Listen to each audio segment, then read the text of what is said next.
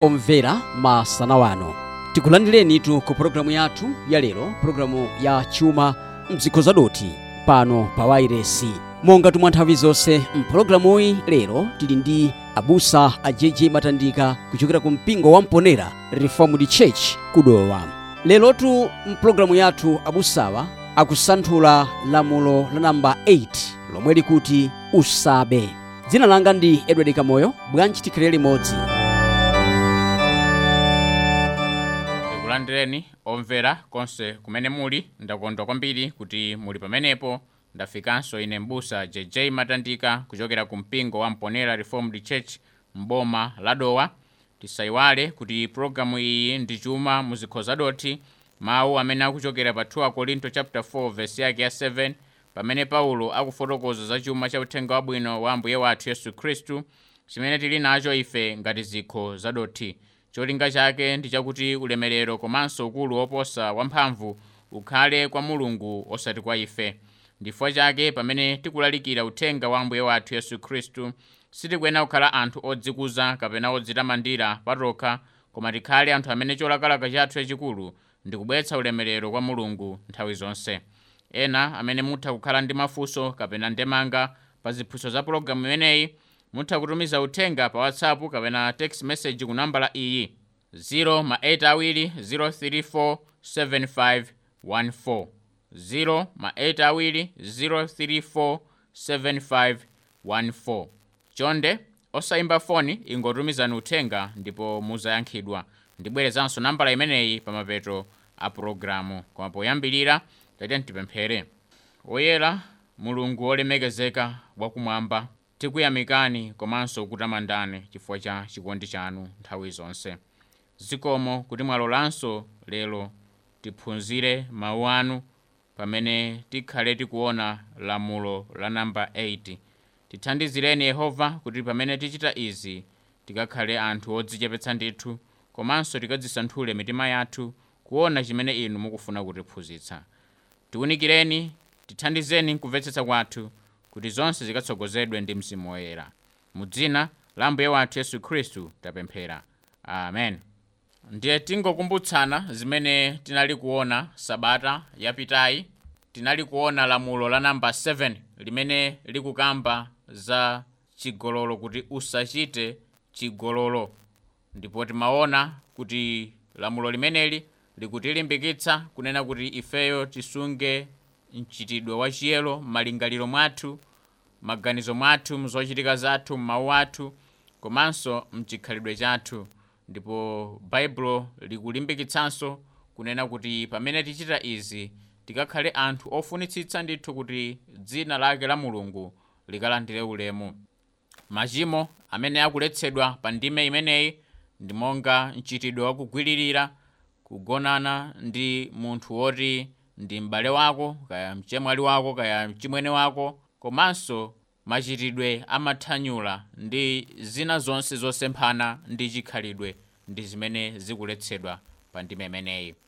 Timakambanso kwakukulu makamaka kuti pa banja sitikuyenera kukhala anthu amitala tikuyenera tikhale ndi mkazi mmodzi kapena mamuna mmodzi. Chimenechi ndi chimene mulungu adachikhazikitsa. Ndipo kwa ife amene sitili pa banja tikusowekeranso kunena kuti tisunge chiyelo chathu kuti tidikire mpaka na nthawi imene tizakhala pa banja. Zimenezi ndi zimene tinali kuziona sabata yapitayi. Ndiye sabata ino monga ndinanenera tili lamulo la namba 8 limene likunena kuti usabe exodo chapter 20 verse yake ya 15 usabe. Mchitidwe wakuba wachulukira kwambiri mu dziko lathu lino ndipo ndi chinthu chomvetsa chisoni kuti dziko limene timati ndife akhristu dziko la chikhristu akhristu alipo ochuluka kwambiri koma mchitidwe umenewu ukupitabe patsogolo. Ndiye poyambirira tatene tione kuti kodi lamulo limeneli likutilimbikitsa kuti tikhale anthu otani. Poyambirira lamulo limeneli likutilimbikitsa kuti tikhale anthu achoonadi tizichita choonadi komanso tikhale okhulupirika kuonjezera pamenepo tichite chilungamo pa ntchito imene tapatsidwa kati kugwira pakati pa china chilichonse chimene tichita pakati pa munthu ndi munthu. Zimene tagwirizana tikuyenera tichite moona mtima. Komanso lamulo limene likulimbikitsa kunena kuti zinthu zimene zatengedwa mosayenera kuchokera kwa ena zikuyenera zibwezedwe kwa eni wake. Komanso tikulimbikitsidwa pa lamulo limeneli kuti tikhale anthu akupereka komanso kubwereketsa mopanda zotchinga zochuluka chimenechi ndi chimene baibulo likutilimbikitsa. Ndipo monga mwakuthekera kwathu tikhale anthu othandiza ena chimene mawu a mulungu amatilimbikitsa. Tikaonanso makamaka pa nkhani ya chiweruzo chathu malingaliro athu pa zinthu za dziko lino lapansi tikuyenera tikhale anthu osamalira kwakukulu ndipo tikuyenera tisunge tigwiritse ntchito komanso kupereka zinthu zimene zikuyenera kuperekedwa koyenererako. Kupanda kutero ndiye kuti tikuba ndithu. Ndipo mayitanidwe athu pa china chilichonse chimene tichita tikuyenera tichite moona mtima osachulutsapo bodza. Ayi. Tiyesetse kuti tikupewa milandu ina iliyonse kapena kusumira ena mnjira ina iliyonse mosayenera. Ndipo pakuyenera pakhalenso chitsimikizo pa chimene ifeyo tikuchita ndipo zonse zimene tichita tikuyenera tichite ndithu motsogozedwa ndi mawu a mulungu kuti tikupeza zinthu mu njira yoyenerera tikusunga zinthu mu njira yoyenerera kaya chuma chathu chikuchuluka mu njira yoyenerera ndi china chilichonse kuti chikuchitika moyenerera osati mwachinyengo ndiye pamenepa kungolingalirapo zinthu ziwiri zitatu kuti anthu timakonda mwina njira zachidule zopezera chuma. M'malo moti tigwire ntchito tichite moonadi ndi kukhulupirika pa zimene mulungu watipatsa timafuna tipeze zinthu mwachidule zimenezi mawu a mulungu akuletsa. Ndiye ndikufuna ndingowerenga ndime ina kuchokera ku buku la deuteronomy chapter 22 verse 1 kukalekeza 4 pamene akunena kuti mukapenya ng'ombe kapena nkhosa ya m'bale wako zili kusokera musamazilekelera muzimbwezera m'bale wanu ndithu. Ndipo ngati m'bale wanu sakhala pafupi ndi inu kapena mukapanda kumdziwa mubwere nayo kwanu ku nyumba yanu kuti ikhale kwanu. Kufikira m'bale wanu akayifuna ndipo wambwezera iyo. Mutero nayenso bulu wake mutero nachonso chovala chake mutero nachonso chotayika chilichonse cha m'bale wanu chakumtayikira mukachipeza ndinu. Musamazilekerera mukapenya bulu kapena ng'ombe ya m'bale wanu zitagwa mnjira. Musamazilekerera mumthandize ndithu kuziutsanso. Pamenepo akukambanso zinthu ndithu kuti ifeyo tikhale osamala ngakhale zawena osati poti izi basi ndingozisiya akuti kuzilekerera zimene zijazo kuli ngati kuba kumene kuononga walephera kusamalira chinthu cha m'bale wako chinthu cha mzako ndi zimenezi baibulo limazitenga ngati uchimo ndithu. Ndiye tati tingobwera mwina tione zinthu zimene lamulo limeneli likuletsa zinthu zimene lamulo limeneli likuletsa. Pamenepa tikuona kuti monga ndakambira muja baibulo likuletsa kuti tionetsetse kuti udindo wathu takwaniritsa ndipo kachiwiri umbava weniweniwo tisachite umbava kaya umbanda komanso kaya mwina kuba anthu zonsezo ndi machimo amene akuletsedwa pa ndime imeneyi.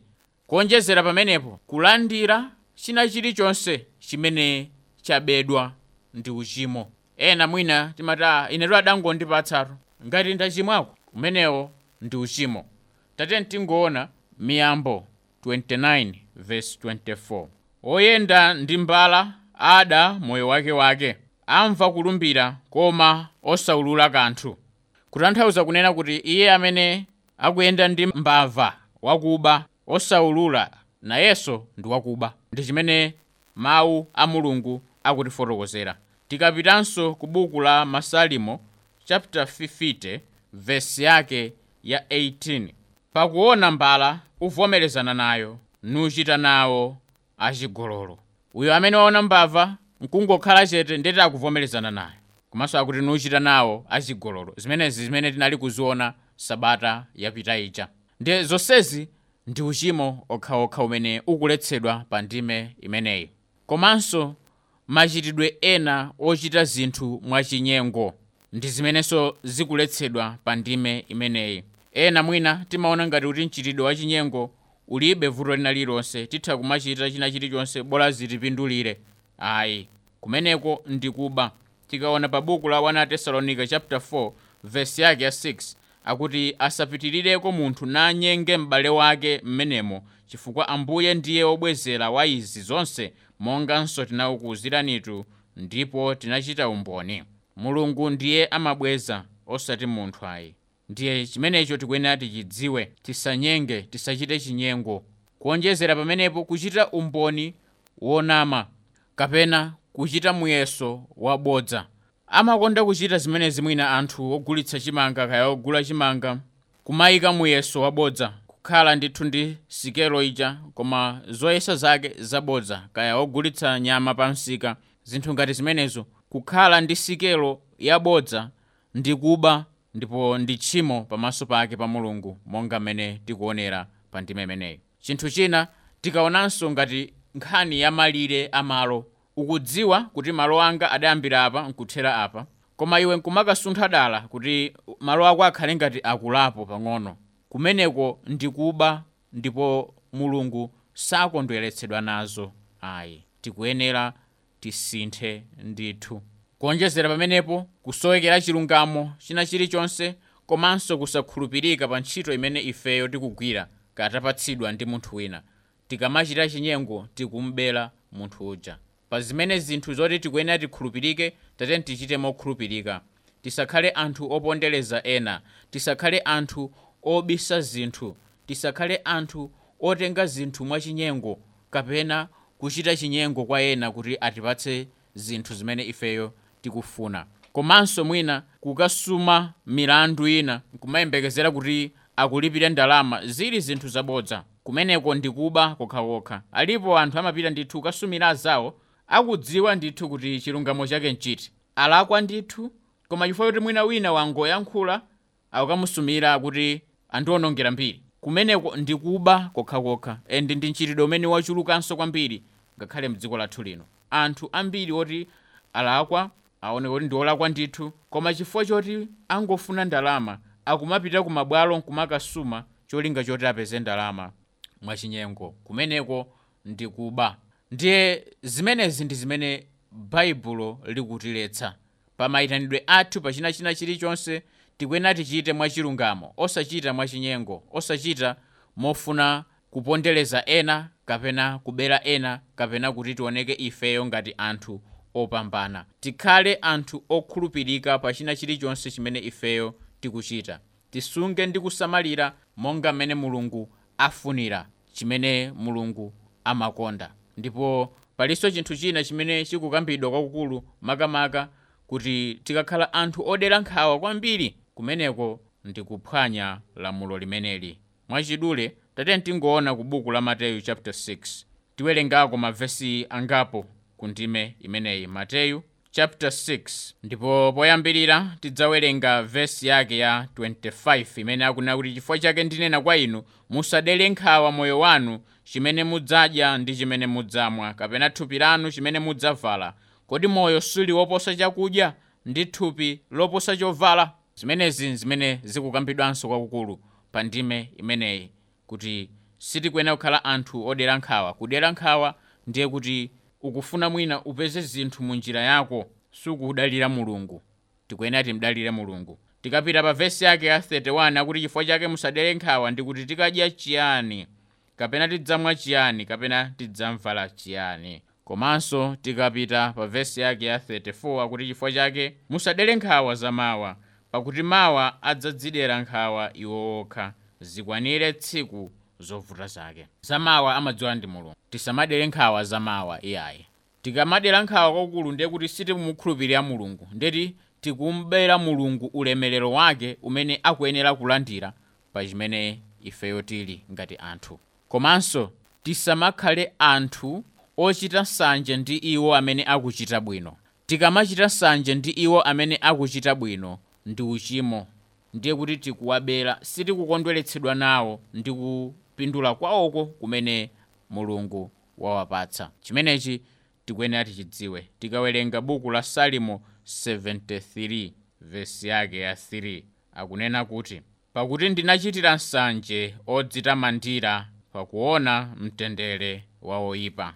Olemba salimo limeneli akuvomereza chimene chinali mu mtima mwake akuti anachitira nsanje iwo amene anali kudzitamandira. Koma sanayenera kutero yayi akuti iye poti anaona mtendere wa oyipa. Pena zimachitika ndithu kuona kuti anthu awawa sapemphera salabadira za mulungu koma zikuoneka ngati china chilichonse chikuwayendera bwino. Ndi zimene zinali kumuchitikira asafu. Anachitira nsanje koma sitikuyenera kukhala anthu ochita nsanje iyayi. Ndipo akutifotokozeranso komalizirako kuti anaona mathero awo ndi pameneno anazindikira so zonse zili m'manja mwa mulungu sizili m'manja mwa munthu. Tikaonanso salimo namba 37 vesi yake yoyambayo komanso yachiwiri. Akuti usavutike mtima chifukwa cha ochita zoyipa. Usachite nsanje chifukwa cha ochita chosalungama. Ndipo vesi yake ya 7 akuti khala chete mwa yehova numlindilire iye. Usavutike mtima chifukwa cha iye wolemelera mnjira yake chifukwa cha munthu wakuchita chiwembu. Tisakhale anthu ansanje ndi ena akuchita bwino. Komanso tisakhale anthu aulesi. Ulesi ndi tchimonso limene likuletsedwa ndi lamulo limeneli lakuti usabe. Anthu akakhala aulesi mpamene amayambano njira zakuba. Malo mokagwira ntchito kuti mupeze zinthu zanu mu njira yolongosoka maganizano zakuba tikaona ku 2 atesalonika chapter 3 verse yake ya 11 paulo akulemba akunena kuti pakuti tikumva za ena mwa inu kuti ayenda dwakedwake osagwira ntchito konse koma ali wochita mwina ndi mwina. Ndiye pa vesi yake ya 12 akuti koma woterewa tiwalamulira ndi kuwadandaulira mwa ambuye yesu khristu kuti agwire ntchito pokhala chete nadye chakudya cha agwire ntchito adye chakudya cha osamangoyenda munthu dwakedwake opanda ntchito. Mwina umangopemphetsa munthu woti uli ndi mphamvu zako utha kukagwira ntchito ndi kupeza zako zakudya zako kumadzisamalira wekha. Koma kumangoyenda dwakedwake osagwira ntchito ngati kuti ndiwe munthu opanda zero. Umenewu ndi uchimo. Sitikuyenera kukhala anthu aulesi sitikuyenera kukhala anthu aulesi. Tikaonanso ku miyambo chapter 18 vesi yake ya 9 akuti wogwira ntchito mwaulesi ndiye m'bale wake wa osakaza. Wogwira ntchito mwaulesi ndiye m'bale wake wa osakaza. Abale ndi alongo tikhale anthu ogwira ntchito molimbika osati mwaulesi ndi chimodzimodzi kukhala munthu osokoneza osakaza. Ndi chimene mawu akukufotokoza pa ndima imeneyi. Tikhale anthu ogwira ntchito molimbika osati aulesi ndi kuonjezera pamenepo kuchita zinthu zongotaya nthawi ndi uchimo okhaokha umene ukuletsedwanso pa, pa ndime imeneyi? Kumangoyendayenda kutaya nthawi pali ambiri timataya nthawi mwina kumangosewera bawo kapena kusewera draft. Momwe wayambira tsiku lonse kuchokera mawa mpaka madzulo ungosewera bawo. Ndi uchimo umene uja ngati sitidziwa kaya tikupanga magemu masiku ano mafoni awa wachuluka magemu. Momwe wayambira munthu gemu kuchoka mawa mpaka madzulo ungosewera ti magemu. Ndi uchimo okhaokha umene ukuletsedwa. Ukanayenera kugwira ntchito ukuyenera kugwira ntchito. Tikuyenera tikhazikitse ndithu kantchidwe kamene kankhale mwa ana athu. Osati munthu tsiku lonse kuchokera mawa mpaka madzulo angoonera tv angoonera makanema angoonera masewero. Kutaya nthawi ndi zinthu zoti sizikuthandiza nkomwe supezapo thandizo lina lilonse malo mokagwira ntchito tigwire ntchito chimenechi chimene mawu a mulungu akutilimbikitsa. Osati kuchita masewera. Ayi. China chilichonse chimene tichita chosayenera ndiye kuti tikuphwanya lamulo limeneli.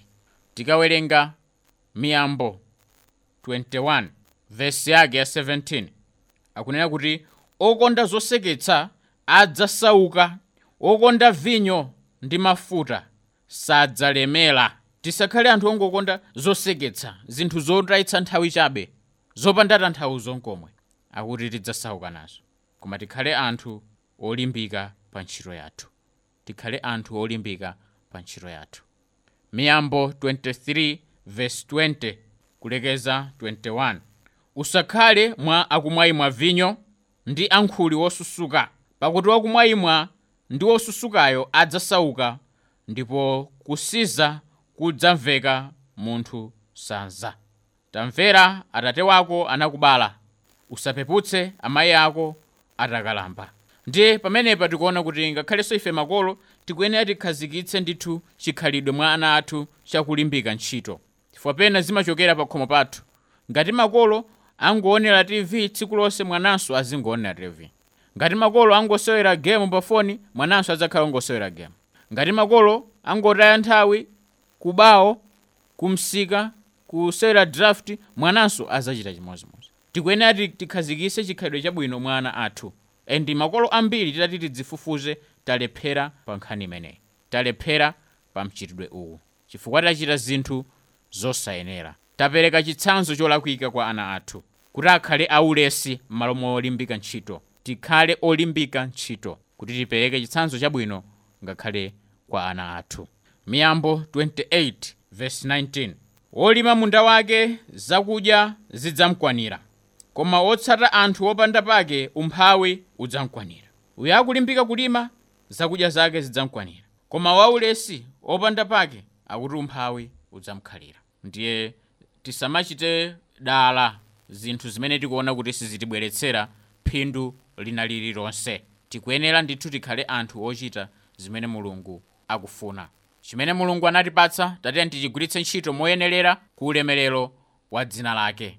Ndipo ndime zitatu zomaliza zimene tikufuna tingoziona ndi buku la mlaliki chapter 4 vesi yake ya 8 akuti pali mmodzi palibe wachiwiri inde alibe mwana ngakhale m'bale. Koma ntchito yake yonse ilibe chitsiriziro ngakhale diso lake silikhuta chuma. Samati ndigwira ntchito ndikumana moyo wanga zabwino chifukwa chayani ichinso ndi chabe. Inde vuto lalikulu tipite ku chapter 6 vesi yake yachiwiri pamene akunena kuti munthu amene mulungu wamlemeretsa nampatsa chuma ndi ulemu mtima wake susowa kanthu kena ka azifuna. Koma mulungu osampatsa mphamvu yakudyako koma mlendo adyako ichi ndi chabe ndi nthenda yoyipa.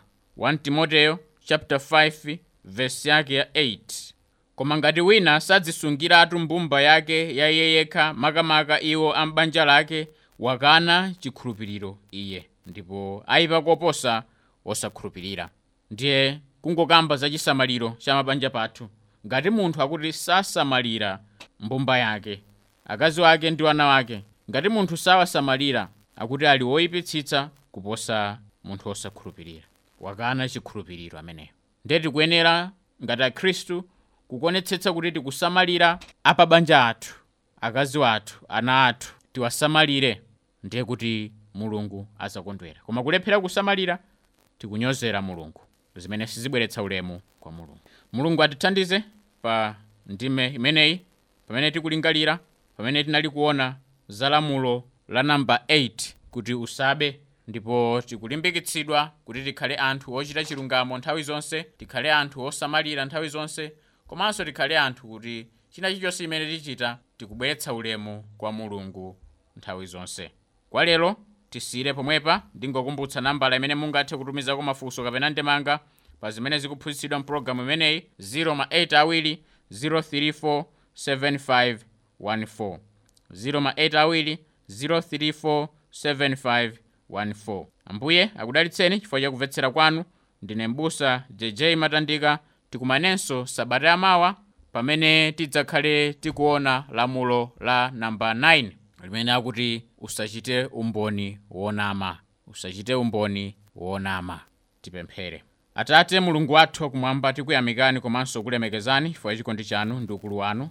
Zikomo yehova chifukwa cha zabwino zonse zimene inu mutichitira tsiku ndi tsiku tikuyamikani yehova chifukwa cha nthawi imenenso munalola kuti tiphunzire za lamulo limeneli la namba 8 pamene timaona kuti zitanthauzanji kuti ti- tikhale anthu osaba tikakhale anthu ogwira ntchito molimbika. Tipatseni mtima yehova wakulimbika ndithu pa china chilichonse chimene tichita kulemerero ulemerero wa dzina lanu. Mulemekezeke mutamandike chifukwa cha dzina la mbuye wathu yesu khristu tapemphera. Amen amen. Chinthu cha mtengo wapatali chosangalatsa. Kuti makutu athu akhoza kumva nkhani yakutichenjeza kuti makhalidwe ena aliwonse amene amaoneka kuti ngaulesi amalondolera kwakuba. Makhalidwe aliwonse amene ngachinyengo ukunso mkuba kuonerera zinthu za mzako nkungozisiya mbalomoti mzakoyo muthandize kumenekonso mkuba iyayi ndi zinthu zambiri zimene taphunziramo. Ndikhulupirira kuti inu mwatulamo kanthu. Mu phunziro lathu laleloli tikatero omvera tafikanso pa mapeto pa pologalamu yathu yalero pologalamu ya chuma mzikho zadothi mpologalamuyi abusa amaphunzitsa lamulo la namba 8 lomwe likuti usabe ndipo tamvamo zambiri mmenemo zotithandiza ife kuti tikachita tikuba. Nkuti tikhoza kukhala nawo mzimu komanso mtima wakuzipewa kuti tisachimwire mulungu komanso kuchimwira anzathu. Tikumanenso bwanji sabata lamawa ine ndi edward kamoyo mwakoma nonse